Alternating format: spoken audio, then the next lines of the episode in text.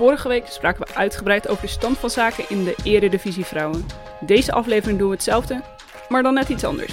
Want 1920 Clubhouse gaat Europa in.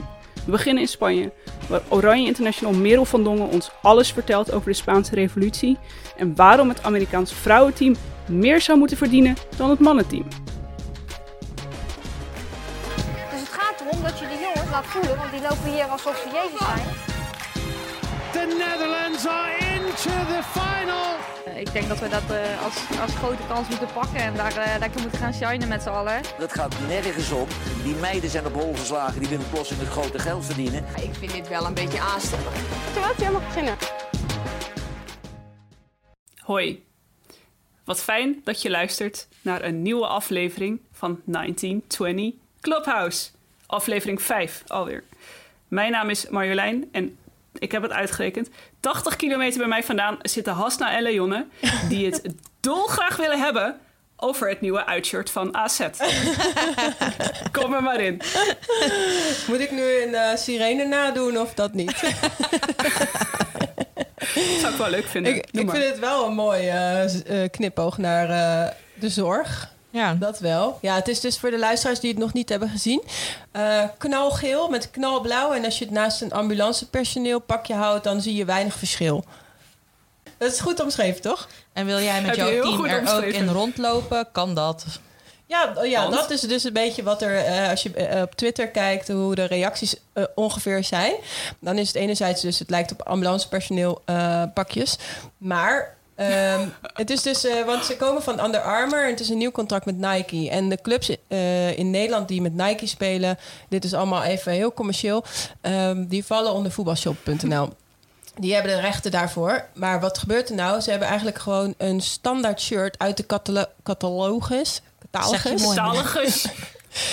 Die je gewoon kan bestellen. Dus als je het uitshirt wilt, ga dan vooral naar, Ja. de, naar de Nike eh catalogus van de voetbalshop. En dan bestel je hem. En dan heb je ook nog niet eens een sponsor erop die je eigenlijk helemaal niet erop wilt hebben. Oh nee hoor. Nee, maar is, niet, Het Maar professionele voetbal dan- in Nederland. Ja. Is dat de reden ook dat er dan zo snel nu al een shirt bekend wordt gemaakt? Want normaal duurt het toch veel langer voordat die dingen... Eh, nou, normaliter is dit wel het tijdstip dat we de uitshirts een beetje beginnen te zien. Ja, klopt. Ah, Maar zij hebben gewoon ook gelijk alle drie de shirts in de wereld geslingerd. Eh, omdat ze al in die catalogus staan. Dus het is, niet, het is geen nieuws. ik zou gewoon, denk ik, als ik hem was, een speler neerzetten met dat boekje. En Ja. die dat dan zo, dat je dat dan filmt. bladert. En die dat dan aan het bladeren is. En deze wil ik, en die, en die. nee, ja, wel zonde. Want ik zie dit soort shirts, dit is natuurlijk echt... eh, marketingwijs zitten daar superveel kansen aan. Want je kunt hele mooie lanceringsacties bedenken. Maar het is natuurlijk ook altijd gewoon spannend... van hoe komt het eruit te zien? En als het dan... Ja, als het dan een standaard tenue is, is het toch een beetje teleurstellend. Want dat is nou juist het leuke, dat het net even wat anders is dan eh, FC Habbekutteveen eh 3 kan bestellen op internet. dat is toch eigenlijk het hele idee van een, van een tof uitshirt. Ja, en dat je ze ook Ja. spaart gewoon als fan, toch? Ja, zeker. Dus, nou ja, waarom zou ik nu naar de winkel rennen om het te kopen? niet. Ja. Maar Nee. wanneer zien we de eerste amateurclub in dit shirt? Ja, dat, maar dat, zou zou wel vet zijn, ja, maar heb je dat wel? Wij spelen wel eens Power League eh, in Amsterdam. Dat is gewoon 5 tegen 5. En daar doen allerlei Ja. vriendenteams aan mee die dat gewoon eh, leuk vinden. En Dus daar, willen jullie Leon terug zien spelen, jongens? Het kan nog. Nee, Stop. maar eh, er zijn dus teams, dat vind ik juist altijd heel leuk. En die dan bijvoorbeeld met z'n met zevenen een heel oud Nederlands elftal shirt bestellen. Ik weet niet waar ze het vandaan toveren, maar dat dan gebruiken als shirt. Dat vind ik heel leuk. Maar ja, Ja, dat, dat zou ook ja, dat kunnen nu dus ook alle amateurverenigingen met het derde, nou ja, niet alleen derde, met alle shirts van AZ doen. Dus leuk, leuke oproep. Dus eh, laat het ons weten als jij eh, een AZ-shirt hebt besteld voor je vriendenteam. Dan eh, zien we de foto's tegemoet als jullie weer mogen gaan trainen en voetballen. En komen wij bij een wedstrijd kijken. Ja, lijkt me ook een mooie deal. Goed. ehm, over naar, eh, ik wil zeggen serieuze dingen, maar dat hoeft helemaal niet. Eh, hebben jullie nog meer nieuws? Ehm, ja, ik- Behalve dat derde shirt. ja, nou, we zagen een, eh, een bericht voorbij komen van, de, van het management van Sam Kerr. Eh, en zij, ja, zij spreken wel echt grote zorgen uit. zeker omdat er in de, de W League, de, de professionele competitie in Australië, Mhm. Op dit moment ehm, is daar moet ik, winterstop of zomerstop? Dat is een hele domme vraag voor mij. Sorry. Ik vind- weet het antwoord ik, ook ik niet, hoor. denk dat het daar nu winter Corona is, stop toch? is. Ja, Als het Sowieso weten, stop. laat het ons weten. nee, het is daar winterstop nu, toch? Ja, de- Nou ja, maar sowieso winterstop of zomerstop. Het is, het is een half seizoen, toch, Ja, die league? het is heel het geen, kort. het is geen volledige competitie. Nee, je ziet dus ook heel vaak, eh, even een eh, zijstapje.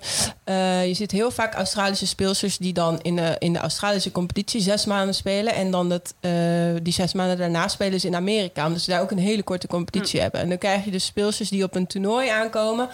Compleet afgepeigerd, omdat ze al twaalf maanden achter elkaar op superhoog niveau aan het spelen zijn. Eh, maar goed, het is een hele korte competitie waar ze nu een stop hebben. Maar eh, waar letterlijk slechts vijf spelers momenteel onder contract staan. Dus in principe al die clubs zouden, als het, als het heel vervelend wordt met corona, ehm, de, hebben, hebben de speelsters geen enkele rechten daar. Dus daar spraken zij hun, eh, hun zorgen over uit. Ehm, het goede nieuws is wel dat we begrijpen dat het in Nieuw-Zeeland inmiddels onder controle is, corona. Dus misschien geeft dat hoop voor Australië. Ik weet het niet. Ik weet niet of dat zo werkt, maar zover onze virologische update van deze aflevering. Heb jij nog leuk nieuws, Mario? Ja, ik heb best wel leuk nieuws. Maar dat hebben jullie vast ook al wel gezien. Want eh, Netflix gaat een, eh, een film maken over de 99ers. Dat is vet cool, toch? Dat is super gewoon een film over inderdaad ehm, het succesvolle Amerikaans vrouwenteam... dat het WK in 1999 won. Ja. En ik dacht in eerste instantie, nou, dat zal wel weer zo'n documentaire worden. Dan gaan we weer terugkijken met, eh, op, op die tijd. Hoe gaat het nu met de speelsters van toen? Maar het is dus gewoon een echte film. Met echte acteurs, actrices. Ja. Dat is toch vet? Ja, ik Ja, vind dat is super heel leuk. vet. Ja. Ik heb daar heel veel zin in. Ja. En toen had ik daar zoveel zin in dat ik een beetje ging nadenken: oké, maar je hebt dan die speelster en die speelster. Goed, maar ik was dus zo enthousiast dat ik meteen een beetje research ging doen. En ging kijken welke, welke actrice kan nou welke speelster dan gaan spelen. Dus toen dacht ik meteen aan het iconische moment. Dus dat de, de, de laatste penalty, de winnende penalty, eh, er door Brandy Chastain werd ingeschoten. Ik weet niet of jullie dat nog weten, dat iconische moment dat ze beseft... oké, shit, ik heb net mijn land de, eh, het wereldkampioenschap bezorgd. Dat ze de shirt uittrekt met alleen nog de sport-BH eronder. Ze valt neer op de grond, handen in de lucht. Fucking euforisch. Maar, dus, dat. ik heb bedacht wie haar gaat spelen. Jij ik ben heel erg benieuwd. Ik heb het al bedacht. Kijk, ik, weet niet of het gaat ik weet niet of het gaat gebeuren, maar ik heb wel een leuk idee. En ehm, ik denk dat jullie er ook wel, wel een beetje een idee bij hebben. Ja. Toch? Dus ik dacht, Eh. als we gaan aftellen, Oké. we gaan zo aftellen. en dan gaan we tegelijkertijd de naam zeggen van de actrice die wij gedacht hebben. Die dan Brandy Chastain moet gaan spelen. Blijf even praten, kan ik heel even nadenken. ik ben niet zo... Ik ben niet zo... research niet gedaan. Ik weet niet welke actrices allemaal er zijn. Nee, oké, Ik ja, ik wel- ja, ik heb Heb wel je iets? Want ik dacht nog ja, wel... Ik heb iets, ik heb Je iets. hebt- Je hebt ook iets. Oké, nog, nog even één sidestep. Want ehm, als je bijvoorbeeld na- naar Mia Hamm kijkt... die zou heel goed kunnen worden gespeeld door Sandra Bullock. Maar ja, die is inmiddels ja. al wel 60 of Ja, zo. dus dat kan niet. oud. Maar goed, zo, zo, Dat soort dingen vergeet ik ook altijd. En dan gewoon met heel veel... ik- Nee, Sandra Bullock heeft geen botox nodig. Maar ik zou het niet geloofwaardig vinden. Nee. Nee, maar da- nee, dat snap ik ook wel. Maar ze lijkt er gewoon heel erg op. Ja. Oké, we gaan aftellen van, van 3 naar 0. Ik ga de 0 niet zeggen. Maar jullie gaan op dat moment gaan we gewoon tegelijk gillen. Oké, Wie oké. moet niet gillen, Ja? oké. Ja, Ready? oh, Ready? ja, ja, oké, go. 3, 2, 1. Brie Larson. Brie Larson, ik wil ook Brie Larson! Nou, Nee! Ja, sowieso. Captain Marvel, jongens. ik zet jullie volume heel zachter even. Oké. Maar Leona, wie zei jij? Kijk, Nee. Bridget Lundy Payne van Atypical. Oh. Nee, maar die is geen Brie Larson. Nee, die heeft te dikke lippen daarvoor. Dat kan niet. Ja, die lijkt er totaal niet op. Ik heb ook niet gekeken naar of ze er per se op lijkt. Ik dacht gewoon, het is gewoon leuk. Zij is gewoon fucking grappig en leuk. Dacht ik, ja. Ja, dat is... Oké, 100 Want dat, ja, en dat zijn de vereisten ook om deze soccer superstar te spelen. En Grappig ze, en nee, leuk. en ze is gewend om eh Sporty Spice te spelen. Dus wat dat betreft dacht ik, ja, die kan vast ook wel tegen een bal trappen. Maar Ze kan wel heel hard rennen. Brie Ja. Larson kan het sowieso 100.000 procent zeker. 100 procent. Ja, oké. Jullie hebben me overtuigd. Ik heb Dat geen idee wie het is, Captain maar maakt Marvel. niet uit. Captain Marvel, we gaan vanavond Oké, zoek het op. gaan we dit zien. Uh, jongens, ik The vind, ik vind het wel Avenger. echt heel erg eh, knap. Serieus? The want strongest we hebben Avenger. dit niet eh, afgesproken met elkaar, maar dat jullie precies dezelfde naam zetten, vind, zeg je, vind ik heel leuk. En ik acht de kans ook nog groot dat jullie gelijk gaan krijgen. Dus wanneer dit ooit bekend wordt en jullie hebben gelijk, dan wordt dit wel even een social campagne die we de lucht in Ja, slingeren. gaan we doen. Ja, leuk. You heard it here first. Yes. Nou, dus top. Dus eh, we willen ook heel graag weten wat jullie hiervan vinden. Dus we zullen op social media wel even beide opties eh, online gooien. En dan mogen jullie stemmen eh, wie je het beste vindt passen voor deze rol. Dus eh, hou ons social in de gaten. Laten we doorgaan naar het volgende. Ja, Wij heb, ja, we hebben gesproken met, eh met Merel van Dongen. eh, die ons heel veel heeft uitgelegd over de Spaanse competitie. En Ja. hoe het daar allemaal in elkaar zit. Maar ik denk dat het goed is als een van jullie eerst een beetje uitlegt... wat, wat- ja, hoe die competitie daar werkt. Wat de, de stand van zaken is. Eh, ja. Asna, wil jij dat doen? Ja, ik kan dat wel doen, ja. Ah, ja. Ehm, nou, de Spaanse competitie, dat is wel heel leuk. Of de vrouwencompetitie in Spanje, om het beter uit te leggen. eh, bestaat al sinds 1988. Vrouwen voetbalden daar eigenlijk al vanaf 1930 uit mijn hoofd. Ehm, wauw. maar dat is niet altijd geaccepteerd geweest. Nou, dat verhaal kennen we. Vrouwen mochten niet voetballen. Eh, maar ze hebben toch voor elkaar gekregen om vanaf 1988 in ieder geval een competitie voor vrouwen op te richten. Ehm, dat heet nu, dat heeft verschillende namen gehad. Nu officieel heet dat de Primera División de la Liga de Fútbol Femenino. Maar- uitspraak. Ja, merci, gracias. Ehm, inmiddels heet dat nu, ook wel bekend als de Primera Iberdrola. En waarom? Want- Iber, Iberdrola. Ja, Iberdrola. Oké. Ehm, de competitie bestaat uit 16 teams. Anders dan in Nederland kan je wel promoveren en degraderen. Als je degradeert ga je naar de Segunda División, dus de tweede league. Ehm wedstrijden worden uitgezonden op televisie. En wat minder leuk nieuws. De clubs verwachten door alles wat er aan, de hand is nu met corona... ongeveer 1 miljoen mis te lopen. Holy Maar- shit. Ja, je, je begon er net eigenlijk al een stukje over, maar waarom heet het Primera Iberdrola? Eh, nou, Iberdrola is een gigantisch bedrijf in Spanje, een nutsbedrijf. Ehm, en die sponsort de competitie.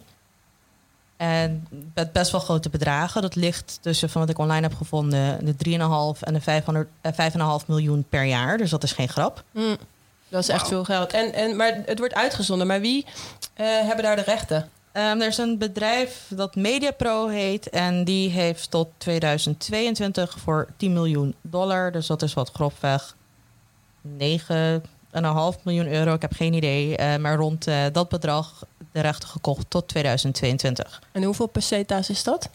Ehm, ik weet ook niet wat een peseta is. Ik weet wat een peso is. Peso is. Peso. Oké. Anyway. ehm, maar eh, het, hoe is, ja, wij weten dat wel hoe dat qua marketing ook zit. Want La Liga, die bezit de marketingrechten Ja, van de gehele competitie. Eh, precies, sinds een jaar of twee. En de competitie valt ook onder de Spaanse bond. Ja. Dus dat is ook wel ehm, ja, interessant. Dus eigenlijk een beetje copy-paste van de mannen. Ja. ja, het lijkt wel te werken in die zin. Want het, het, het feit dat het wordt uitgezonden en dat er volgens mij best wel wat clubs zijn die aardige, eh, aardig grote contracten ook hebben. Ja, Lieke Martens is natuurlijk het mooie voorbeeld Mhm. daarvan. Eh, maar er zit wel heel veel eh, progressie in Spanje. En des te eh, kwalijker, schijnender is het natuurlijk nu dat ze een verwachten, verwachten dat er een miljoen verlies gaat zijn. Ja, dat is natuurlijk wel echt super vervelend. Maar goed, daar hebben jullie met eh, Merel volgens mij eh, Mhm. uitgebreid over gesproken. Nou, zullen we dan overgaan op het interview met Merel? Ja, lijkt mij leuk. Ja, nou, let's do it. In een aflevering over Equal Pay mag deze Oranje International niet ontbreken. Zelf studeerde en speelde ze in de Verenigde Staten, waar ze het Amerikaanse systeem van dichtbij meemaakte. De speelster van Real Betis is iemand die zich inzet voor de ontwikkeling van het Nederlandse vrouwenvoetbal en niet bang is om zich uit te spreken over de positie van vrouwen in de sport. Een paar maanden geleden was ze zelfs onderdeel van een historische gebeurtenis. Deze intro kan maar over één iemand gaan en dat is natuurlijk Merel van Dongen. Hoi Merel! Hey, hallo. Kan je een beetje vinden, in, de, kan je een beetje vinden in deze intro? Ja, denk het wel, eigenlijk. Eh, ja, eigenlijk wel. Oké, nou gelukkig. Het Fijn. klopt in elk geval, dus eh, ja. Ja, dat is een goed begin. hey, hoe gaat het met je? Ehm, nou, het zijn wel zware tijden, moet ik zeggen. Ehm, vanwege het feit dat natuurlijk als voetballer alles stil ligt. Dus je ja, eigenlijk ben je gewoon echt heel eventjes werkloos. Om het zo maar even heel raar te zeggen. Mhm. En eh, bovendien ben ik al die tijd in Spanje geweest. eh, vanwege, dat was gewoon verplicht van de club uit. En in Spanje was de lockdown veel zwaarder dan in Nederland. Dus ehm, is de lockdown eigenlijk veel zwaarder dan Nederland. Dat is nog steeds zo. Dus eh, ja, het zijn, zijn niet de leukste maanden. eh, eh, maar goed, het gaat wel goed verder met mij. Iedereen is gezond, familie is gezond. eh, er zijn geen grote dingen die niet goed gaan. Dus ik moet zeggen dat ik ook weer niet mag klagen. Gelukkig. Hoe, kom, we- ehm, ja, hoe ziet de lockdown zeg maar, op dit moment er bij jullie uit? Wat mag je wel en wat mag je echt absoluut niet? Maar ik moet eerlijk zeggen dat het, eh, het was heel duidelijk. Je mocht niks behalve boodschappen doen en eh, de hond uitlaten voor ongeveer vijf- 50 dagen lang. En nu is er dus sinds, eh, het is vandaag woensdag, nu is het eigenlijk sinds afgelopen maandag, mogen we weer, oh nee, vorige week mochten we weer rennen buiten. Dus dan mochten we tussen 6 uur s ochtends en 10 uur s ochtends of, of tussen 8 uur s avonds en 11 uur s avonds mocht je eens buiten sporten. Maar dan ook weer niet met bal, want, eh, want dat raak je dan aan met je handen en zo. Dus ook de kinderen die mochten, dat, dus mogen nog steeds niet buiten voetballen. Mhm. Je mag alleen buiten sporten, zonder dat je echt iets aanraakt. Rennen dus. Eh, nou, dat geeft wel natuurlijk veel meer vrijheid. Dus daardoor ben ik ook veel meer buiten. Eigenlijk ben ik al die uren meestal wel buiten. Nou, niet om zes uur 's ochtends, maar wel eh, zeker weten na acht uur 's avonds, elke avond. En sinds maandag is het weer een stapje open gegaan. En nu zijn er dus, eh, nu ben je dus weer, je mag nu met mensen zijn in hun huis. Mhm. Met maximaal tien. Dat vind ik wel weer een enorme Dus dat is stap. best wel veel meteen inderdaad weer. Ja, echt heel veel. En je kan ook niet goed afstand houden met tien mensen in één Nee. huis. Dus ik vraag me af wat de gedachte erachter is. Eh, en ook de terrassen zijn weer open, 50%. Ja, dus het is echt wel, eh, we gaan ineens heel erg vooruit. Maar het is nog steeds wel zo dat bijvoorbeeld heel veel dingen nog dicht zijn. En eh, je kan ook niet zomaar nog op straat lopen, zeg maar. Het is niet zomaar, ja, je moet wel echt een doel hebben, zeg maar.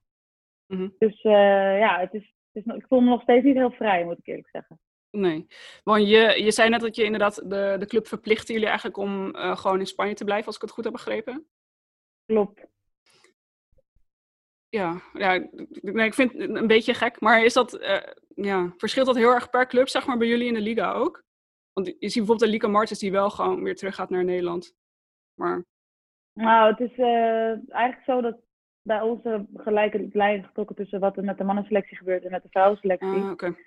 Kijk, op het moment dat eh, het was zo onduidelijk wanneer er weer iets mocht gebeuren Mhm. voor de professionele sportteams, dat zij niet wilden dat hun halve selectie in Mexico, Argentinië, Nederland eh, zat. Op het moment dat er weer getraind of gespeeld mocht gaan worden en dat de grenzen dicht waren op het moment dat je terugvloog. Ja, oké. Dus om dat te voorkomen dat op het moment dat we weer mogen trainen, niet eh, halve selectie in het buitenland hebben zien zitten. eh, dat was gewoon, dat probeerden ze absoluut te voorkomen. En dat hebben ze zowel bij de vrouwen als bij de mannen bij ons gedaan. Bijvoorbeeld, er zijn veel meer teams dat het zo gedaan hebben. Alleen Barcelona toevallig niet. Hm. Maar ik vraag me wel af wat ze dan Barcelona, hun plan was geweest, mochten we dan nu wel weer mochten trainen. Ja, dan kom je niet zomaar het land meer. Niet meer terug, nee, klopt. Wat is er, hebben jullie al eh, enig zicht op wanneer je eventueel weer wel mag gaan trainen? Nou, de mannenselectie is deze week begonnen met trainen. Omdat je dus ook weer wat, wat- alles wat vrijer is. Mhm. Eh, maar die hebben dus alle professionele, eh, alle clubs uit La Liga mogen trainen. Maar de, het hele complex moet dan voor dat team zijn. Voor dat ene geen- team. Voor dat ene team. Dus er mogen geen interacties zijn tussen andere teams. Er mogen geen, eigenlijk zo min mogelijk mensen bij elkaar. Dus ze hebben het hele complex. Dus wij niet. En ook niet het tweede team van Betty. Eigenlijk Mhm. echt alleen de eerste selectie. Eh, dus wanneer wij gaan trainen, weten we niet. Het enige wat zou kunnen is dat we dus gaan trainen op een andere locatie. Mm. Maar ja, voordat dat geregeld is, eh, is wel weer, zijn we wel weer wat ver. Dus ik, daar ben ik nu op aan het wachten. En als dat nog heel lang duurt, dan, eh, dan ga ik zeggen... Jongens, de league is afgelast. Eh, Ik Mhm. vind het mooi geweest. Ik eh, mis mijn familie ontzettend. En, Ga eh, terug. ik ga terug. Maar ja, dat hangen we allemaal heel veel consequenties aan. Dus ik probeer dat op zo goed mogelijke manier eh, niemand boos te maken. En toch nog zelf mentaal enigszins gezond te blijven. Heel verstandig. Hey, in de intro had ik het er al een beetje over. Ja, hebt best wel van dichtbij een, een historische gebeurtenis mee mogen maken in de Spaanse competitie. Namelijk het tot stand komen van een CAO voor uh, professionele voetbalsters al daar. Kun je een beetje vertellen hoe dat is ontstaan en wat er moest gebeuren om daadwerkelijk tot zo'n akkoord te komen? Ja, ik speel dus nu sinds twee jaar in Spanje. En uh, deze onderhandelingen tussen uh, de spelers, ja, je hebt de spelersvakbond en de bond, die zijn al veel langer gaande. Mm -hmm. uh, nou, het is sowieso natuurlijk allereerst goed om te weten dat het vrouwenvoetbal al heel lang onder de grootste spelersvakbond valt. Dus die hebben, zijn al heel lang de belangen aan het behartigen van vrouwenvoetballers in Spanje. En die hebben dus gesprekken met de bond voor het mannenvoetbal, maar ook voor het vrouwenvoetbal. Dus er zijn allerlei dingen. Weet je, stadions, tv-rechten, onze wedstrijden worden uitgezonden op tv. Bijna allemaal, um, tenminste vier elk weekend worden live uitgezonden op tv. Dat soort dingen, die zijn natuurlijk, dat gaat, dat gaat way back. En, Mhm. uh, en op een gegeven moment hadden ze iets van, ja, weet je, wat het probleem nu is, is dat overal in de competitie de salarisverschillen eigenlijk te groot zijn. En, uh, en er zijn gewoon mensen in de competities nu die totaal geen zekerheid hebben. En speelsters die gewoon behandeld worden op een manier die, uh, nou, die wil je echt, zo wil je echt niet dat jouw dierbaren behandeld worden, zeg maar, door de club. En toen zijn ze gaan onderhandelen met al die clubs, wat, want de mannen hadden al een CAO. Uh -huh. En de vrouwen nog niet. Zeiden ze, nou, weet je wat, wat we gaan doen? We gaan een CAO opschrijven, opzetten. En uh, we willen dat alle clubs dat gaan tekenen. Maar ja, dat gebeurde niet. Uh, dat, was, dat bleef telkens daar praten en weer een meeting en weer een onderhandeling en nog meer onderhandelen, et cetera, et cetera, et cetera tot we op een gegeven moment hadden van. De enige manier dat we dit doorheen gaan krijgen is door echt als collectief samen te gaan staan. Alle vrouwenvoetballers van alle clubs de handen ineen te slaan. Te zeggen, wij voetballen niet totdat die clubs voor ons een CAO hebben getekend. En voordat dat in stand kwam, gingen we met, uh, ja, was natuurlijk, er gebeurde al van alles, dat zijn allemaal details. Maar op een gegeven moment was het zo dat de, dat de federatie of de spelersvakbond ons uitnodigde. zei, jongens, we moeten zoveel mogelijk vrouwenvoetballers in Madrid zien te krijgen. In een conferentiezaal waar we het gaan hebben over of we willen gaan staken of niet. Want wij kunnen wel zeggen dat we willen gaan staken voor een CAO, maar mm -hmm. het moet iets van de speelsters zijn. Nou ja, we hebben het over heel veel speelsters. Dus alleen de aanvoerder van elk team was niet meer genoeg. Dus toen is er een, uh, heeft de Spelersvakbond heeft een uh, meeting georganiseerd in Madrid. En heeft alle speelsters uitgenodigd. En ook alle tickets betaald vanuit heel Spanje om naar Madrid te komen. Wow. En te overnachten. Ja. Wauw. Ja, zodat uh, iedereen daar aanwezig kon zijn. Nou, er kwamen uiteindelijk meer dan 300 speelsters zijn daar, zijn daar naartoe gegaan. Echt, echt, het werd totaal breed gedragen daar is iedereen up-to-date gebracht voor wie dat nog niet wist wat er gaande was. Alle details zijn er besproken, alle, nou ja, wat er gebeurde, waarom, we, waarom zij vonden dat we moesten gaan staken. En Mhm. mm -hmm. toen kreeg je letterlijk een briefje in je handen, een groene of een rode. Iedereen kreeg dat bij de ingang. Ja. En toen was het stemmen. Ja jongens, zeg het maar. Wil je, wil je een CAO? Ja of nee? Nou, dat was wel heel duidelijk dat iedereen Ja. dat wilde. Want daar staan natuurlijk basisvoorwaarden in. Een minimumsalaris. Uh, niet ontslagen kunnen worden als je zwanger raakt. Uh, als je geblesseerd raakt, niet een bepaald percentage van je salaris moeten inleveren. Al dat, soort dingen, dat wilde iedereen. Mhm. En toen ging het erover of we daarvoor wilden staken. En uh, van de 300 waren geloof ik uh, 280 die dat dus wel wilden. Er was ook een heel klein groepje die dat, die dat niet wilde. Die zijn door de, overigens door de andere 280 meiden volledig met grond gelijk gemaakt in diezelfde meeting. Oh, nee, echt? Ja, Ja, dus... Ja. Oké. Ja, ja, er is dus wel zijn flink, ja, er is flink gediscussieerd. Ook Mhm. met die meiden, waren een aantal speelsters van bijvoorbeeld Valencia die, die dat niet wilden. Ik moet eerlijk zeggen dat het voor mij ook nog steeds onbegrijpelijk is dat je dat niet wil. Ik bedoel, we hebben het over één wedstrijd niet voetballen als, als, als voor onze eigen rechten. Ik bedoel, eh, Ja. ik kan me voorstellen dat als jij de enige bent die dat, niet, die, die dat wel wil en, en de rest niet, ja oké, maar als iedereen dat gaat doen, dan is het, lijkt mij het makkelijk om ook gewoon je groene blaadje omhoog te gooien. Dat deden ze dus niet. Maar uiteindelijk zijn we dus wel gaan staken, want 280 vonden ze toch wel de overgrote meerderheid. En toen hebben we één wedstrijd gestaakt. Uh, en dat moest ook officieel aangevraagd worden, et cetera, et cetera. Dus een hele ronde is echt absoluut niemand. Er zijn een paar meiden wel naar de, naar de sportcomplexen gegaan, maar ik weet niet. Er is in elk geval geen enkele wedstrijd gespeeld. En toen is... Uh, toen is de bond, uh, het heeft ze zo'n boost gegeven dat de clubs hebben gezegd, oké, okay, we gaan wel akkoord met deze CAO. Uh, geef ons wel wat tijd om de details uit te werken. Dit was in december 2019. Mhm. En uh, rond februari 2020, denk ik ongeveer, echt precies ongeveer voor de coronacrisis begon, of januari, ergens januari, denk ik, ehm, is uiteindelijk eh, met een ontzettend mooie, een mooie CAO getekend door alle clubs. Dus dat heel lang verhaal, zo kort mogelijk. Kort en heel duidelijk. Nog heel even terug naar die, naar die speelsters die dan niet wilden staken. Heb je enig idee wat hen motiveerde om dat dan niet te doen? Ja, eh, zij vonden niet dat dat de oplossing, oplossing was om, ehm, om, om te krijgen wat je wilde. Eh, die vonden dat, eh, ja, dat dat een risico was, dat er dan misschien wel kus waren die dan geheel de stekker uit de trouwkoepel gingen trekken, dat ze te veel risico namen. En dat wilden ze niet. Ja, dat is volgens mij, dat kwam er, daar kwam het een beetje op neer. Ja. En je noemde net al een klein beetje op wat er inderdaad allemaal in die CEO uiteindelijk is opgenomen. Ehm, zijn er nog, nog echt specifieke punten die daarin staan, eh, in het definitieve akkoord dan, waarvan je denkt, oké, dit is echt zo belangrijk, zo essentieel, het is bizar dat dat er nog niet was? Ja, dat met name het minimum aantal uren dat in je contract staat. Er moet dus 75% van een FTE van een fulltime contract eh, worden uitbetaald. Dus dat betekent dat wij voor 75% van 40 uur betaald worden. Mhm.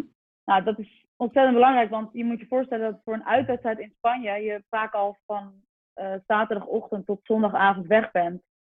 En als je op zaterdag speelt van vrijdagochtend tot, eh, tot zondagochtend. Je bent er eigenlijk altijd twee dagen aan kwijt, ongeveer.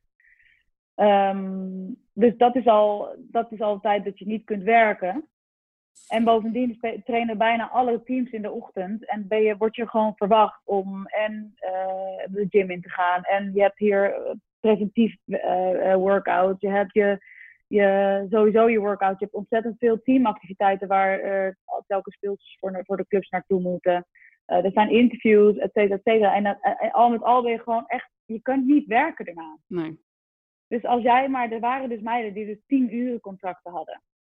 Terwijl je, ja, terwijl je dus Bizar. gewoon echt op zijn minst 30 uur in de week daar, Ja. nou, dan, misschien wel meer hoor, maar daaraan kwijt bent. Dus dan heb je een salaris waarvoor je 10 uur wordt uitbetaald. Je kunt er niet naast werken. Ja, dan moet je met heel weinig geld moet je, moet je rondkomen. Ik, ik ben niet iemand die zegt dat ik vind dat al de speelsters eh, heel veel geld moeten verdienen, zoals dat bij de mannen gebeurt. Maar ik vind wel dat je een normaal leven moet kunnen leiden, waarin je dus niet elk dubbeltje Ja. 35 keer om moet rijden, bij je ouders moet blijven wonen, niet kan werken, niet kan studeren en op 30-jarige leeftijd zonder enige werkervaring op straat staat, zonder een cent op je bankrekening, omdat je, wilde voetballen. Dat, Mhm. dat vind ik niet, dat vind ik niet eh, kunnen.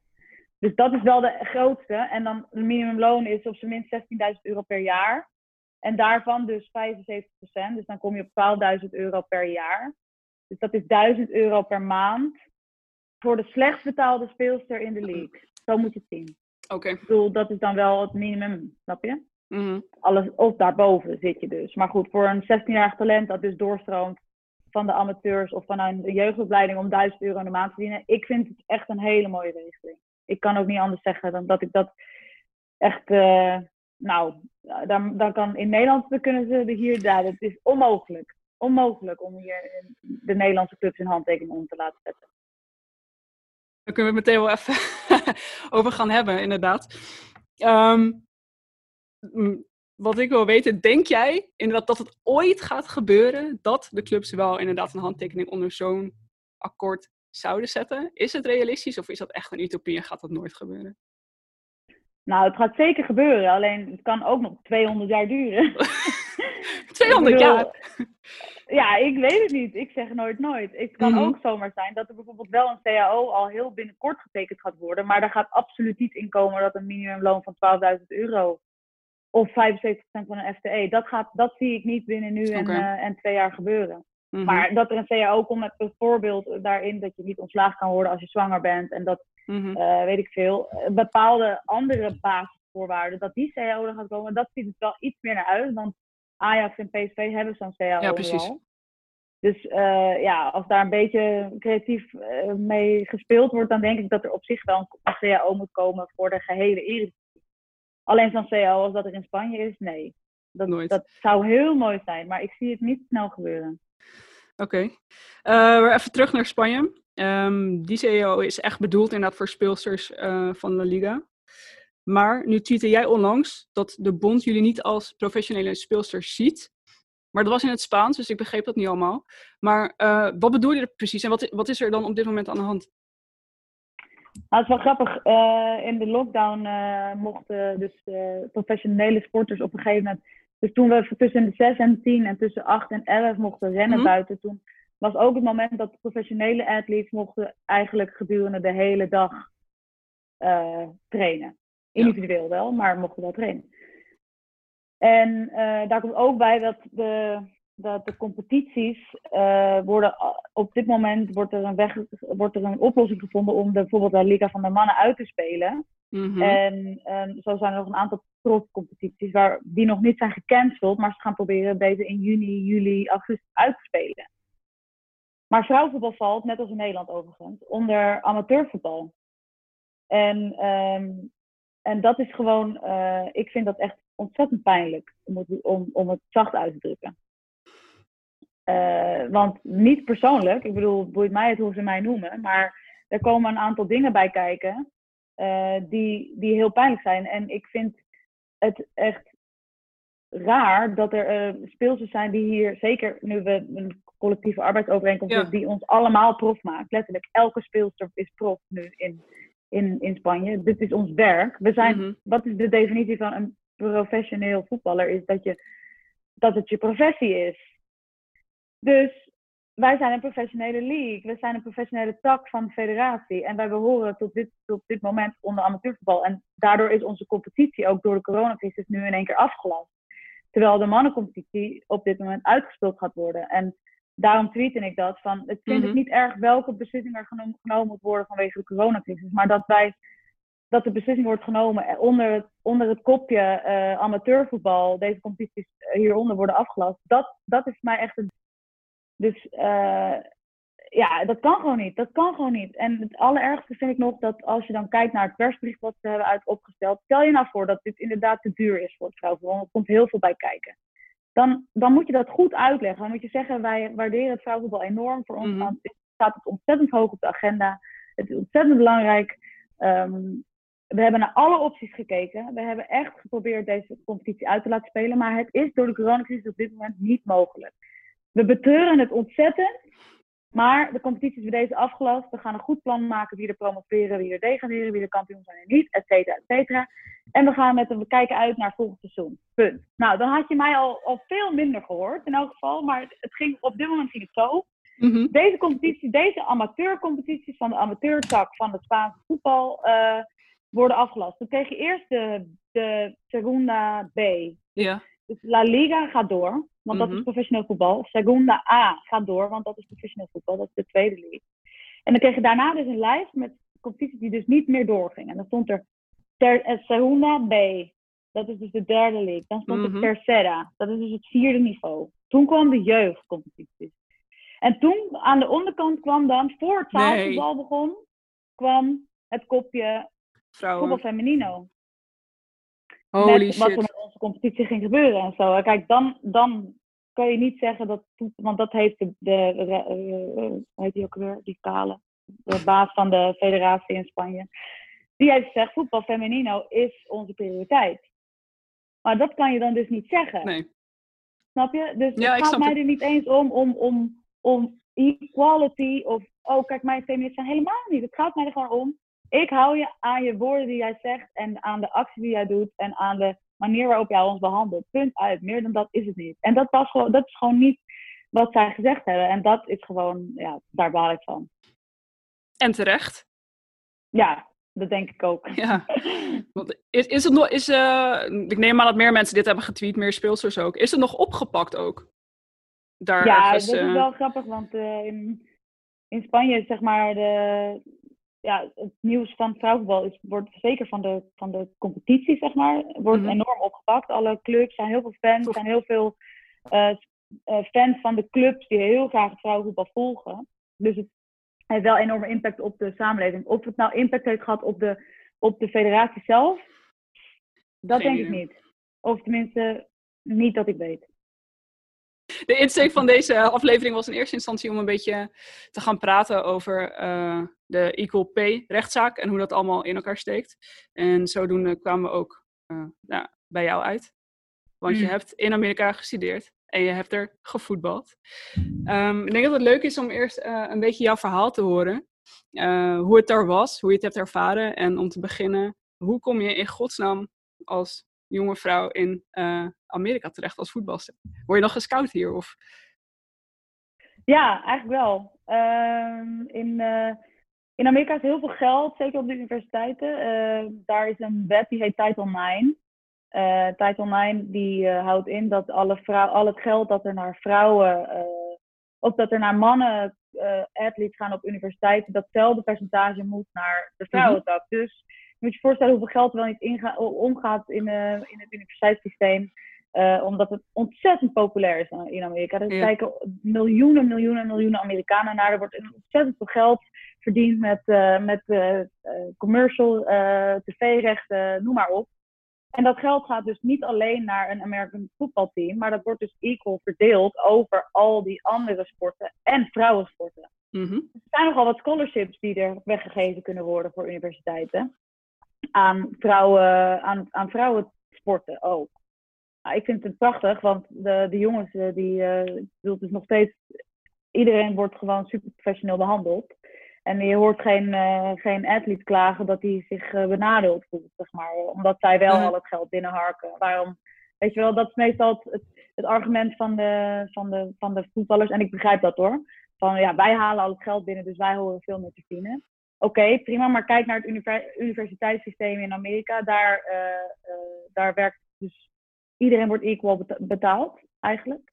En de mannen en het American voetbalteam of het, of het, eh, het college basketbalteam haalt met tv-rechten vaak het meeste geld binnen. Zo werkt het nou eenmaal. Maar daar hoor je niemand over. Dus het kan wel, dat even terzijde. Eh, maar goed, dus wat de college coaches doen, die gaan eigenlijk, die, die, dat heet het recruitment systeem. Die gaan eh, recruiten. Dat, die gaan oh, door heel Europa en door heel de wereld gaan ze proberen de, de voetballers te scouten voor universiteiten. En toen ik in de onder 19 eh Nederlands elftal zat, hadden we een toernooi in La Manga. En dan zitten de, dan zitten de, de tribunes echt vol met, eh met scouts uit Amerika, van Ja? Amerikaanse universiteiten. Ja, het is echt zo. Wow. Ja. Was je je daarvan bewust ook? Nee, nee, helemaal gewoon, ik ga lekker een toernooi spelen en... Ja, ja, nee, dat wist ik echt niet. Terwijl dat dus echt een big, big business is eigenlijk. En ehm, nou ja, dus toen werd ik benaderd door de Universiteit eh, van Alabama mhm.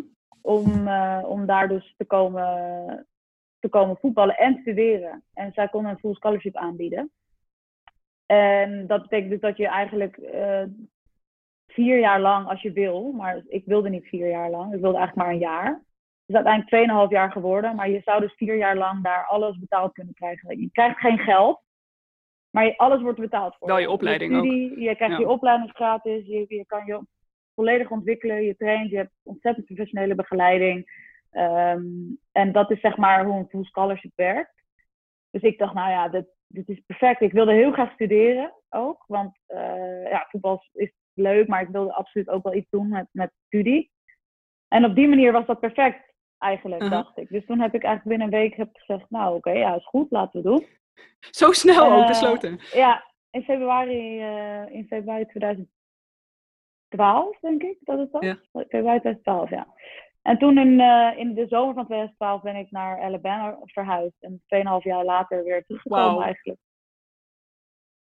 En ik was bijna, bijna, wat is het dan, als ik 19 was in de zomer, 20, 21, ik was dus bijna 22 toen ik eh, terugkwam.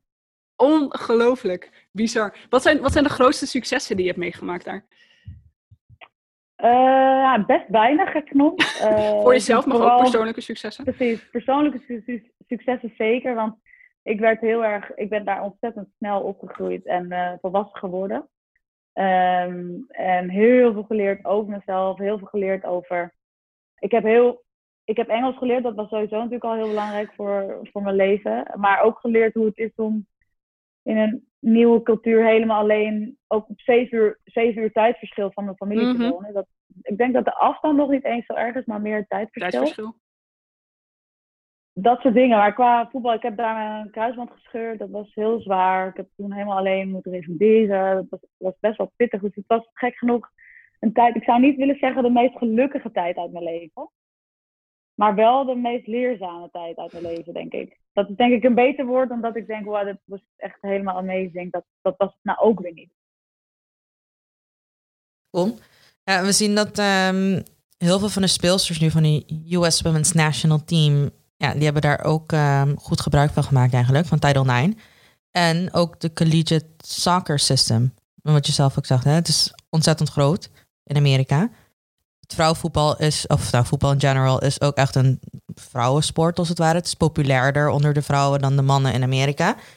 Ehm, en dus ook niet voor niets dat er nu een rechtszaak loopt tegen US Soccer vanuit de vrouwen. Dat ze zeggen van, hé, hey, wacht even jongens. Wij brengen nu, zeg maar tegenovergestelde van Europa... wij harken meer geld in dan de mannen. Dus we willen ook in ieder geval equal pay hebben. Uh, heb je daar wat van meegekregen? En nou ja, voor ons vooral ook interessant om te kijken wat, uh, wat je daarvan vindt. Ja, ik hou het wel een beetje in de gaten. Ik ben niet een enorme merken-watcher, dat ik echt alles, al het nieuws heb gevolgd. Maar ik heb zeker deze rechtszaak met heel, heel, veel interesse gevolgd. En, en het was natuurlijk ook zo dat op een gegeven moment toen we de finale afgelopen zomer in, tegen Amerika in, in Lyon speelden, werd er op een gegeven moment vanuit de tribune ook iets geroepen. En ik wist in eerste instantie niet precies wat ze nou aan het schreeuwen waren. Ik dacht, wat zijn ze nou aan het schreeuwen? Maar dat was dus equal pay.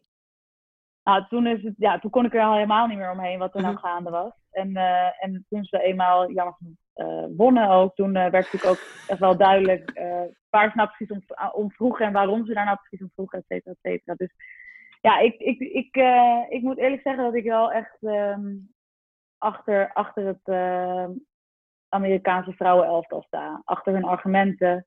En, um, en achter wat zij willen. Ja, ik, ik, ik kan niet begrijpen dat ze minder verdienen dan de, dan de mannen. Ik, ik, ik, zou, ik zou, als ze nou equal betaald worden, zou ik hem mooi vinden. Zou ik, zou, zou ik al een hele stap vinden. Maar eigenlijk zouden ze misschien wel meer dan de mannen moeten verdienen. Dat vind ik een mooie statement. Ja. ja. Hoe is, hoe, is dat in, uh, hoe is dat bij Oranje geregeld eigenlijk? Heel goed. Um, enorme stappen gemaakt. De KNVB die, uh, heeft het wat betreft ons, het Nederlands elftal echt super goed om, omarmd. Daar is echt een enorm mooie regeling. En uh, dat, is, dat wordt op dit moment gelijk getrokken met de mannen zelf. Dus um, oh. dat, is, dat is wel een proces. Dat is niet, nu nog niet, maar in de komende twee jaar zal dat. Is er nog iets dat jij graag tegen onze luisteraars wilt zeggen? Nou, ik weet niet, als je nog, uh, als je nog niet van vrouwenvoetbal hield of je weet er heel weinig van af, dan zou ik zeker eens, uh, als de coronacrisis voorbij is, een keertje gaan kijken. Kies een club uit en ga ze, ga ze ook echt steunen. Koop een shirtje. Uh, als je een bedrijfje hebt, kijk eens of je, of je, je, je de shirtsponsor kan worden. Weet je, het zijn echt. het is een hele mooie, clean wereld waarin er nog heel veel meiden zijn die echt uit Heerenveen komen en bij Heerenveen spelen. En um, en ik denk dat dat gewoon, uh, ja, het is een hele mooie wereld is om, uh, om te gaan volgen. Omdat het echt uh, hele hardwerkende sporters zijn die echt van hun sport houden. En daar, alleen daarvoor elke, elke keer het veld opstappen. Dus ja, ik zou iedereen heel graag fan willen maken. Dus als je dat nog niet bent en je luistert, wordt het. Nou, Hasna en ik zijn overduidelijk fan. En jij, Leonne? Ja, sowieso. Gelukkig. Wat, ja. uh, wat, vond, wat vond jij het meest opvallende aan uh, wat Merel heeft uitgelegd? Over ja, nou, het daar een beetje ging? Echt superveel uh, raken en nuttige dingen. En, maar ik vond het vooral echt heel leuk om te horen uh, hoe dat is gegaan met het CAO-verhaal in Spanje. Dus dat ze gewoon letterlijk 300 speelsters naar Madrid haalden en daar met rode en groene bordjes gingen stemmen. En toen dacht ik, ja, dat is, dat is precies wat er zou moeten gebeuren als je iets wilt gaan veranderen. Je moet die speelsters ja. erbij betrekken, je moet ze laten inzien hoe relevant het is en waar het over gaat. En ik dan denk dat Merel is een van de speelsters die altijd uh, maatschappelijk super geëngageerd is. En mm-hmm. dat is niet iedereen, maar daarom moet je sommige speelsters ook echt aan de hand nemen. En dat is, ja, dat is ook een van de uh, redenen dat we het hierover moeten hebben. Ja, en ook goed uitleggen wat hun rechten zijn, hè? want dat weten ze heel vaak niet. Nee. En ik heb ook wel eens gesprekken gehad met mensen van... hé, hey, wacht even, deze contracten, hmm, vraagtekens bij. Uh, maar dan krijg je vanuit een speelster ook gewoon te horen van... ja, maar zo is het altijd. En uiteindelijk als speelster, wat wil je gewoon het liefst voetballen? Ja. Mm-hmm. Precies, ja, dat maakt het, dat maakt het uh, lastig. Je wilt dat soort dingen, uh, wil je geen zorgen over hebben. Dat geef je uit handen. En als je verder niet weet hoe het werkt of wat je rechten zijn, dan zou je er ook niet in, in doorvragen of verder in geïnteresseerd zijn. Dus dit soort dingen moeten, moeten gebeuren en moeten zichtbaar worden voordat speelsters zich daarvan eh, bewust zijn. Ja, dus hopen dat de Spaanse revolutie ook gaat overwaaien. Ja, maar het is wel, wel, wel waar wat ze zegt. Eh, ook al eh, duurt het misschien 200 jaar, maar dit is er wel nodig in, in Nederland. En ja, jij hebt hier al een heel onderzoek naar gedaan en je, je, je masterscriptie over geschreven. Zeg ik het goed? Ja, toch? Masterscriptie. Dat zeg je goed. Heb je hem ook En- gelezen? Ja, deels. Waar, Is waar ging je masterscriptie over? Waar ging je Ehm, masterscriptie over? Equal pay eigenlijk. En het invoeren van eh, een CAO in het Nederlands voetbal. En waarom dat nodig zou zijn, ook bij de Eredivisie Vrouwen. Mhm. En ehm, hoe dat met een vijf tot tien jaar plan wel zou moeten lukken. Ja, en dat, ze, en dat zegt niet van... hé, hey, eh Ziyech verdient dit, dat moet... eh, dat moet, eh, weet ik veel, Ashley Bakker ook verdienen. Maar ehm, het gaat over, wat, precies wat, wat Merel zei... het gaat over 75% van het minimumloon... voor eh, zoveel uur in de week. Want dat, ja, er wordt, je hebt nu gewoon contracten waarin letterlijk staat... hier, je krijgt dit bedrag voor 12 uur voetbal in de week. Nou ja, je kan wel optellen dat je veel meer dan 12 uur in de week aan het voetballen Mhm. bent. Uh, maar dat soort, dat soort afspraken zijn gewoon nergens... eh, eh, ja, staan nergens in opgenomen. Behalve dan nu bij Ajax en PSV, dat is per club. Maar als je echt wat wil veranderen... dan moet er gewoon een nationale CAO komen. En ik denk dat daar gewoon stappen voor moeten worden gezet. En ja, hoe lang dat gaat duren... ik hoop toch echt dat het eerder dan 200 jaar... eh, 200 jaar, Nee, ja. het moet wel echt sneller gaan gebeuren. En zeker ook omdat we een besloten competitie hebben in Nederland met minder clubs. Ehm, als je er sponsors voor warm krijgt, om in ieder geval een league sponsor of iets dergelijks, na, naarmate de commerciële kansen groter worden, moet het lukken. Maar het Mhm. moet ook wel echt een prioriteit worden. Ja, precies. Dus wij zijn team pro CAO. Ja, ik kan me ook niet voorstellen dat er iemand is die niet in team pro-CAO zit. Maar denk je dat, dat de speelsters in de Eredivisie ook zo'n actie op touw zouden moeten zetten? Of, of dat ze dat überhaupt zouden kunnen? Ja, weet je, het voordeel is natuurlijk wat er in Spanje was... dat die organisatie al eh, in het mannenvoetbal natuurlijk dit voor elkaar heeft gekregen... en zich dus ook betrokken is gaan voelen bij het vrouwenvoetbal. En eh, je, hebt, je hebt zulke partijen wel nodig die weten hoe, hoe het werkt... en eh, welke maniertjes er allemaal zijn. Zolang dat niet voor hun op de agenda staat... eh, ja, dan zou het uit de speelsters zelf moeten komen. Maar ik, ik, ik, het lijkt me heel moeilijk om dat te doen. Ja, het is ook niet. Het is een, het is een gecompliceerd verhaal. Hè? Voornamelijk ook omdat je dan wat, wat vaak naar voren gebracht wordt. Als ze die speelsters minimumloon moeten gaan betalen, dan vallen er een heleboel clubs om. Ja. Dus nou ja, prioriteit nummer één, hoe zorg je ervoor dat dat niet gebeurt, ehm, Mhm. is om ervoor te zorgen dat er meer fondsen zijn. Maar daarnaast, en dat is het grootste probleem, lijkt mij ook in de Eredivisie vrouwen, los van dat iedereen minimaal minimumloon zou moeten verdienen, stukje visibility. Waar kunnen de wedstrijden kijken als je niet ergens heen wil gaan? Dus vandaar Ja. dat wij er ook heel enthousiast over waren toen Sandra begon over een livestream. Dus ik hoop dat dat er echt komt. Eh, want dan zorgen we er ook voor dat, er, ja, dat mensen ook enthousiast worden over de Eredivisie vrouwen en daadwerkelijk gaan Mhm. volgen. Want nu ook als sponsor, je sponsort, maar wat krijg je daarvoor terug? Ja. Ja. we kunnen een lijstje met dingen bedenken, want eh, het is heel tof. maar het moet wel ehm, ja, het moet duidelijker worden voor iedereen. Het moet een, een Mhm. Ja. hoe zal ik dat noemen? Een graspable concept. Ja, makkelijk te hanteren concept. Zoiets. Ja, maar ook echt een product die je kan zien en terug kan vinden. Over Sandra gesproken. Die heeft wel even een speler binnengehengeld. Zo de ju. Wat vinden jullie echt- daarvan? Ja, nieuws van de week. Ik was eerlijk gezegd eh, best wel een beetje verbaasd. Ja, snap ik. Maar dat kan aan mij liggen omdat ik niet alle achtergrondinformatie heb. Maar ik zou denken, oké, ehm, Spanje werkt hem niet. Het is een fucking goede keeper. Dan kies je misschien voor een meer uitdagende competitie. En dat zou dan voor mijn gevoel niet direct de Eredivisie vrouwen zijn. Maar ik Mhm. weet niet hoe jullie erover denken. Ja, qua competitie zie ik het ook niet als de grootste uitdaging eh, voor Sari, zullen we maar zeggen. Eh, ja, dus dan ga je automatisch denken... oeh, wat zijn dan voor haar motieven om terug te komen naar Nederland? Is dat, Ja. eh, wil ze weer dicht bij de familie zijn? Is dat, ik, ben, ik kom van twee clubs waar ik eigenlijk veel minder heb gespeeld dan ik had gehoopt. Dat ook. Eh, heb ik dan zin om weer naar een ander land te gaan... waar ik weer opnieuw moet gaan acclimatiseren... nieuwe mensen moet leren kennen... Mhm. Misschien heeft PSV wel een rol voor haar in het verschiet. Hè, ze is 30 jaar. Misschien heeft ze zoiets van: ik wil over of na de Olympische Spelen stoppen. We weten het niet. En dan zou Mhm. ik heel graag keeperstrainer willen worden bij een hele mooie eh, bouwende Ja. club. Ja, dat soort dingen kunnen allemaal natuurlijk eh, spelen in zo'n keuze. Dus dat maakt het wel interessant. Ja, Ja, het is wel een, super. eh, En überhaupt gewoon heel slim van PSV. Ja, en een groot compliment ook voor PSV. absoluut. En ik vind Dat het zo'n ook... speelster... eh, Ja, en, en toch ook wel eh, fijn, ook natuurlijk voor de Eredivisie. Een, in die zin toch ook wel een compliment voor de Eredivisie. Dat zij die Mhm. stap durft te maken. eh, terwijl je nog eh, misschien wel voor je plek aan het vechten bent voor een Olympische Spelen. Dat wil wel zeggen dat zij daar comfortabel is eh, in de Spelen in de Eredivisie. mhm. Ja. Denken jullie dat er nog meer speelsters uit het buitenland terug zouden keren naar de Eredivisie? Zeg maar komend seizoen? Ehm, ja, het zijn, het zijn natuurlijk wel veel speelsters die nu al een tijdje in het buitenland zitten.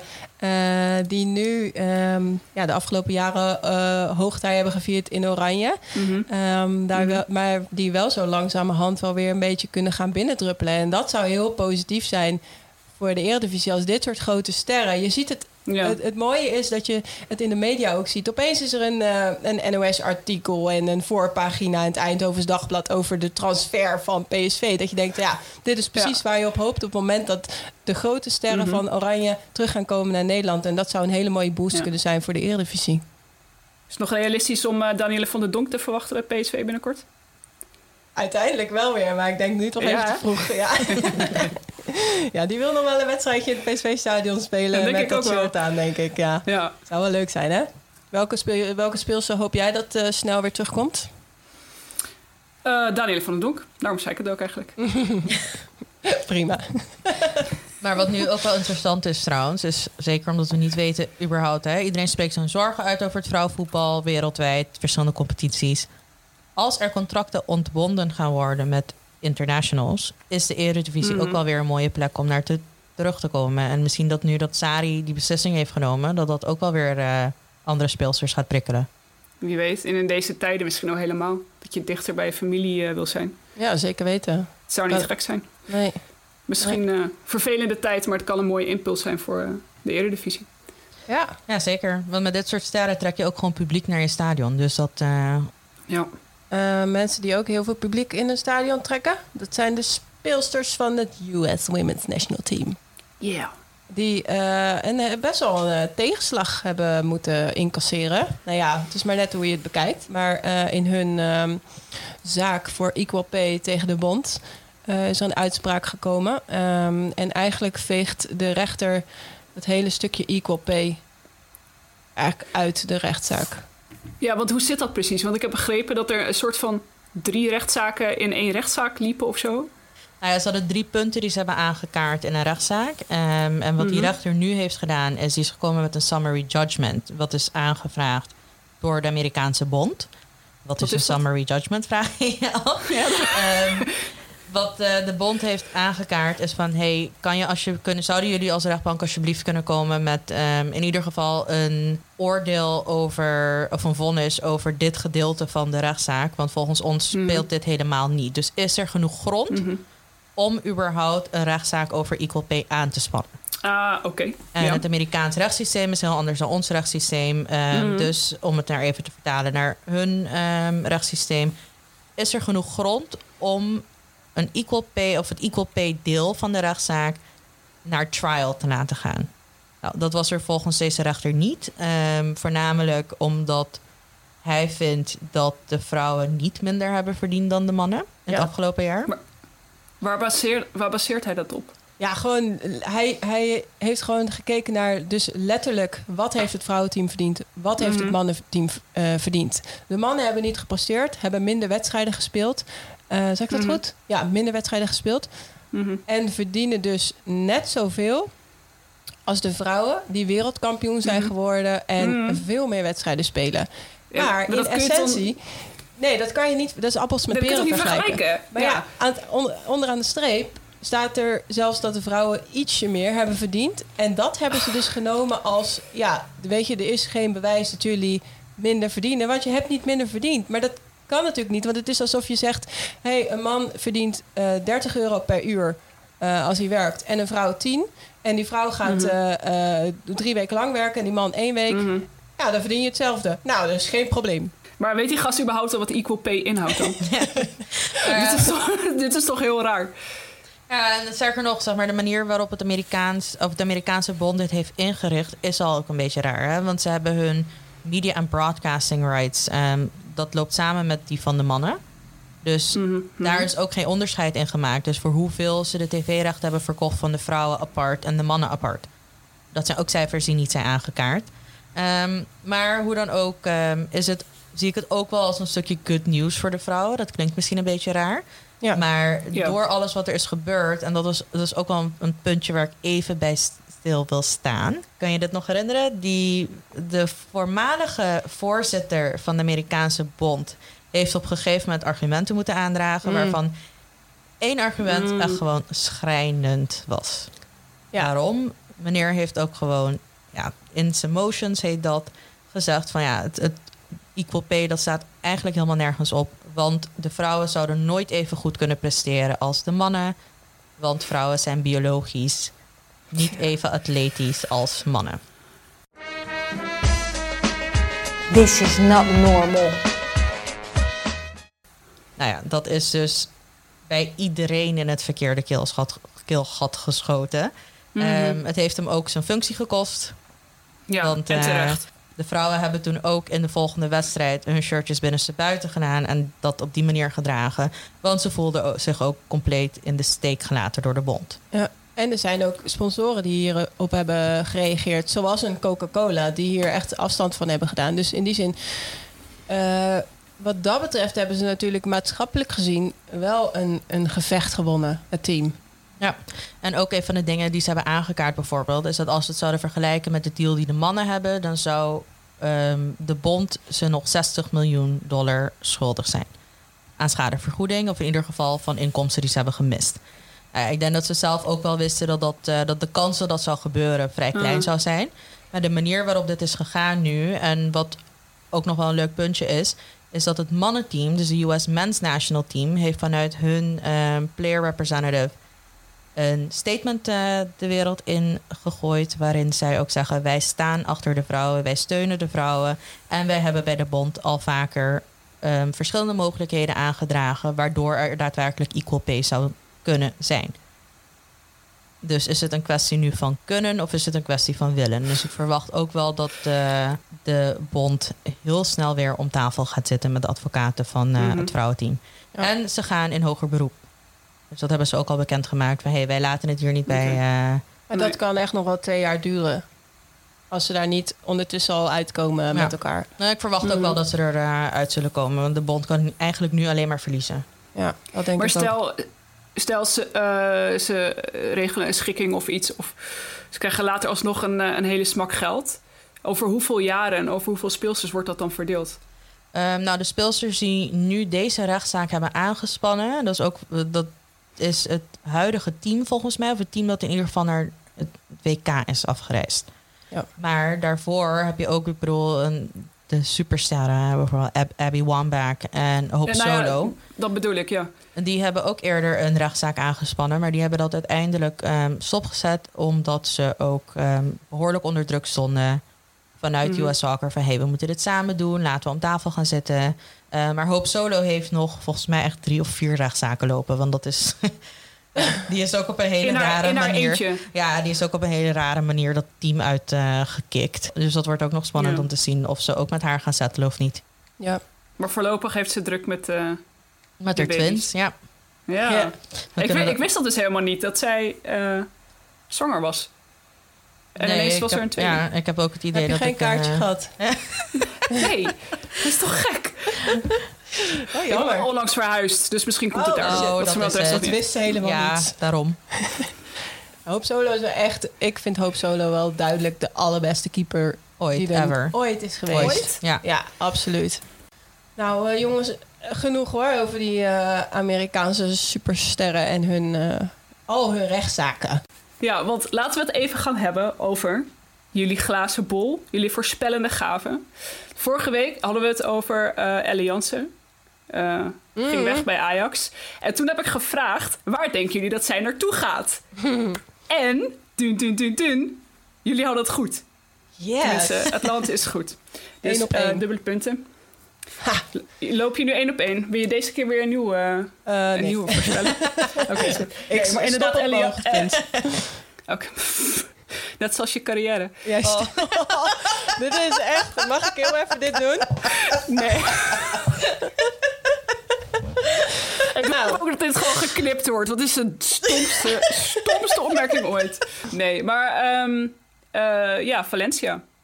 Ja, die wil nog even een jaartje in de zon spelen, denk ik. Ja, wel leuk. eh, met Mandy van den Berg samen in een team. Dus eh, ze Ja, komt wat, niet... wat is eh, dat voor team? Wat, wat is dat voor club? Draai je die een beetje lekker mee? Of? Ja, een beetje subtopper volgens mij. Ja. Dus altijd wel, eh ja, draai je leuk mee. Maar dan tegen Barcelona lukt het dan net even niet. Meer motor. Ja, sub wel de- tegen de top aan hoor. En verder, ja, het is, het is maar af te wachten welke speelsters daar blijven en wat er nog bij komt. Mhm. Eh, voordat we daar echt een oordeel over, geval- over kunnen vellen. Maar ze hebben gewoon Nee, geshopt bij Ajax. Want en, en Ellen en... En, eh, ehm, Ina Salmi. Ja, Lina. Ja. Ja. Ja. Ook. Zeker. Waar in ieder geval wel heel veel speelsters blijven, dat is bij, eh, bij Twente. Ja, is iedereen aan Daar het... blijven ze maar verlengen. Ja, ze blijven maar verlengen. Ja, ik had wel op zijn minst één eh, iemand verwacht die misschien wel naar het buitenland zou gaan. Maar die blijft toch nog een jaartje loyaal. Namelijk, Renate Jansen. kan er maar eens zijn, hè? Ja, ja. Die heeft eerst echt een, eh, echt een, een decennium in, eh, bij, bij ADO gespeeld. En nu begint Ja. ze toch ook al bij Twente de jaartjes op te tellen. Ja. Ja, ja wel, wel is leuk. zij een, eh, een type speelster die het goed zou doen in, het, in een buitenlandse competitie, denk je? Nee, zij is wel een speelster die volgens mij in ieder team wel zich aan kan passen. En in ieder team nuttig is. Dus ik, ja, zij zou zomaar gewoon overal kunnen spelen. Dat denk ik. Ja, dat denk ik ook wel. Ik had er ook eerlijk gezegd naar Spanje verwacht. Ik had Ja. eerder Renate bij Valencia gezien dan Ellen, to be honest. Maar Ja, dat zeg Ja? je wat. Dat, Ja. Zou, ja, dat zou ik helemaal niet gek hebben gevonden. Maar waar- waarom dan? Waar baseer jij je gevoel op? Nou ja, heel eerlijk. Als ik nu TD was eh, bij een club... als ik de keuze Ja. had Renate Jansen of Ellen Jansen... dan zou ik Jansen Mhm. kiezen. Nee, grapje. nee, dan zou ik zo, nee, dan zou ik sowieso Renate kiezen. Ik vind haar ehm, ja, veel gevaarlijker en veel eh, ja, dynamischer beter. ook wel, toch? Ja. Mhm. ja, veel meer in de mars. Daar komt het op neer. Ja, Lucky Twente dan. Ja, Ja. hebben ze goed voor elkaar. Waar ook inderdaad Lynn Wilms nog eh, heeft bijgetekend. Ja, die een mooi debuut heeft eh, gehad. Hè? Als we even terugdenken aan de laatste Interland van Oranje. Dat zij voor het Ja, eerst klopt. op eh, rechtsback stond en gelijk even een doelpuntje meepikt. Ja. En ze deed het echt, eh, ze was echt Ja, ze deed het goed. dominant. Ja. Hè? Gewoon niet bang. Mhm. en, en dat vond ik echt leuk om te zien. Dat ik dacht van ja, met het stoppen van Desiree en, ehm, en een geblesseerde Lise van der Most... is dit wel fijn dat dit er nu achteraan komt. ja. Is het logisch dat zij nog een, eh, tenminste inderdaad dan een jaartje gaat rijpen in de Eredivisie? Ja, kan geen kwaad. Nee, kan geen kwaad. Nee? Nee, en ik- ja, ik vraag me echt af of er nu speelsters gewoon dingen niet doen door deze crisis. Ja, dat is logisch dat je zegt ja, maar ik ben gewoon benieuwd wat er speelt in die koppies. Mhm. Ja, maar ook um, Lynn Wilms heeft een heel mooi debuut gemaakt. Maar ik denk dat ze echt best wel nog een paar jaartjes in de Eredivisie kan spelen. Hoor. In ieder geval een jaar of twee. Ehm, en als je dan de stap maakt naar het buitenland... om ook echt dominant in het buitenland meteen bij een club te beginnen... Hè, en niet op de bank te gaan zitten, dat heeft geen nut. Nee, Nee. precies. Maar daar ben ik wel blij om. Het lijkt er nu wel op dat speelsters gewoon net even wat langer gaan blijven. Zoals een Joelle Smits, Aniek Nouwen, eh, nu Lynn Wilms. En dat het niet dit soort voorbeelden worden van ehm Esmee... De Graaf? Juist, ik was even de naam. Zoals Esmee de Graaf bij PEC, die eigenlijk voor mijn gevoel veel te vroeg naar West Ham vertrekt. Weet je, blijf gewoon nog even in de Eredivisie. Eh, niet alleen in je eigen belang, maar misschien ook in het belang van de competitie. Eh, maar ja, het is helemaal niet verkeerd om gewoon net even wat langer te groeien. Ik krijg echt zin om gewoon nu wedstrijden te gaan kijken. Hè?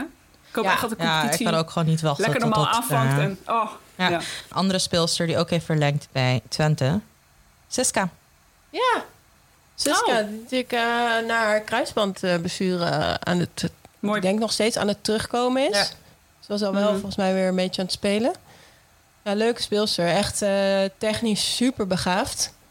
Bij Ajax was ze een beetje ongelukkig. Maar volgens mij had ze bij Twente echt wel weer de draai gevonden. Dus ik hoop inderdaad dat die komend seizoen gewoon weer wat opbloeit en dan zichzelf weer in de kijker kan spelen voor Oranje. Want ja, ik ben echt wel onder de indruk van wat zij heeft laten zien.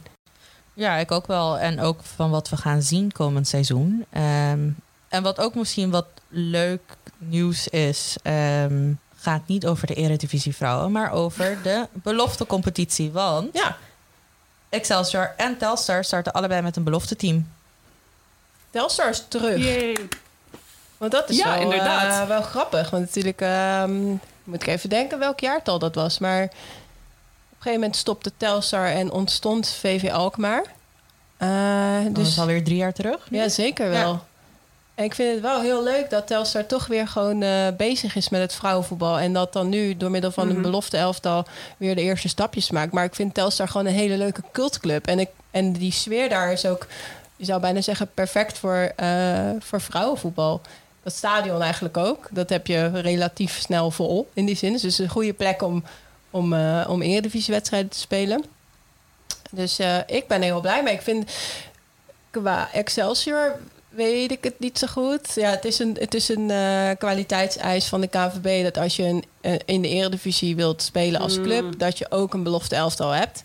Eh, maar ja, laten we even kijken naar Rotterdam. Ehm, Feyenoord heeft een belofte Mhm. elftal. Excelsior heeft nu een belofte elftal.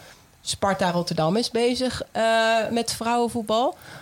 ADO is in de buurt. Dat je denkt, Nou ja, wel leuke derbies. Ja, dat wel. In maar uit welke vijver- competitie. Zeker, ja. Uit welke vijver ga je vissen voor zoveel eh, talent? Ja, ik hoop gewoon dat er Dat heel gebied veel... ligt eh, helemaal droog nu, denk ik. Ja, ja het, het, het voordeel is natuurlijk dat dan in omgeving Zeeland niet per se iets gebeurt qua voetbalclub in de vrouwenwereld. Dus daar kun je nog wel uit putten. Maar voor. ADO gaat dit wel vervelend zijn, Ja. Ben ik bang. Maar Nou ja, vervelend. gewoon- Misschien ook wel gewoon een reden om eh, toch wel een beetje te werken aan een USP. Waarom ADO als je ook andere opties hebt nu als Ja. speelster. Dus dat is ook wel weer fijn. Ja. Wat zijn er nog bepaalde eisen waar een club aan moet voldoen om uit te mogen komen in zo'n beloftecompetitie? Volgens mij Is die open voor iedereen? Nou, het, het, is zijn, het is vooral een kwaliteitseis in eh, het spelen in de Eredivisie. Ehm, maar je kan inderdaad niet zomaar met je belofte team aankomen. Om, dus dit was echt wel een... Dit moest echt toegestaan worden. Je moest over gesproken Ja, is ook echt worden. een traject geweest. Ja, of Telstar en Excelsior dan wel. Nou ja, dan zal het vooral over Telstar gaan, omdat Telstar geen Eredivisieclub is. Dus die zullen Mhm. vooral heel veel moeite hebben moeten doen om hierin te komen. En Excelsior, voor Excelsior is het dus een, een kwaliteitseis omdat ze in de Eredivisie zitten, dat ze dus een belofte team hebben. Maar dat is wel Mhm. grappig, want nu zitten er tien, tien clubs in de beloftecompetitie. Dus meer dan de, dan de de Eredivisie. Dan de Eredivisie, ja. Ja.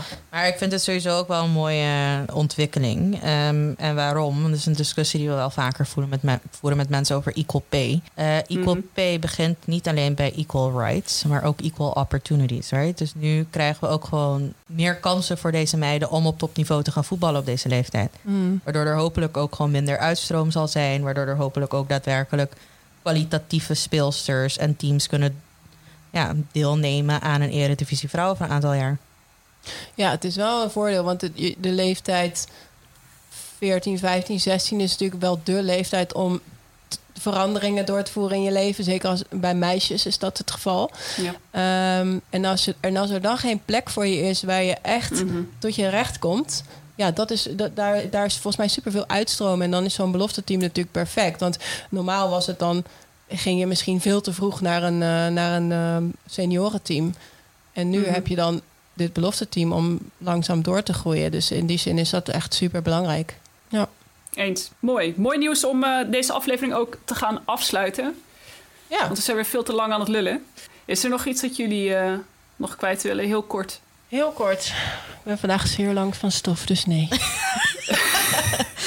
Niks aan We gaan afsluiten. Ik mag namelijk zo meteen weer trainen. En Yes. eh, dat ga ik niet missen. Dus Oh, ik ben jaloers. heerlijk hè? Ja, Ja. echt zin in. Leuk man. Nou, veel Oké. plezier. Volg ons op alle kanalen. Instagram, Twitter, eh, Spotify. At 1920 Clubhouse. Oh ja, dat is ook handig om te zeggen. Ja. en laat ons weten of het Brie Larson moet zijn of... Ik ben alweer vergeten wie het zei. Ook Brie op Brigitte Instagram. Ze heet Brie op Instagram. Jullie weten wel wie Met, heel- met heel veel i'tjes. Ja, met superveel i's. Nee, eh, eh, nog even serieus. Dat laat ons ook weten eh, wat je van de podcast vindt. Luister je toevallig via iTunes, eh, dan kun je een review schrijven, mag je sterren achterlaten. We zijn dankbaar voor alle feedback, positief en negatief. Dankjewel. Tot volgende week. Bye. Bye. Bye.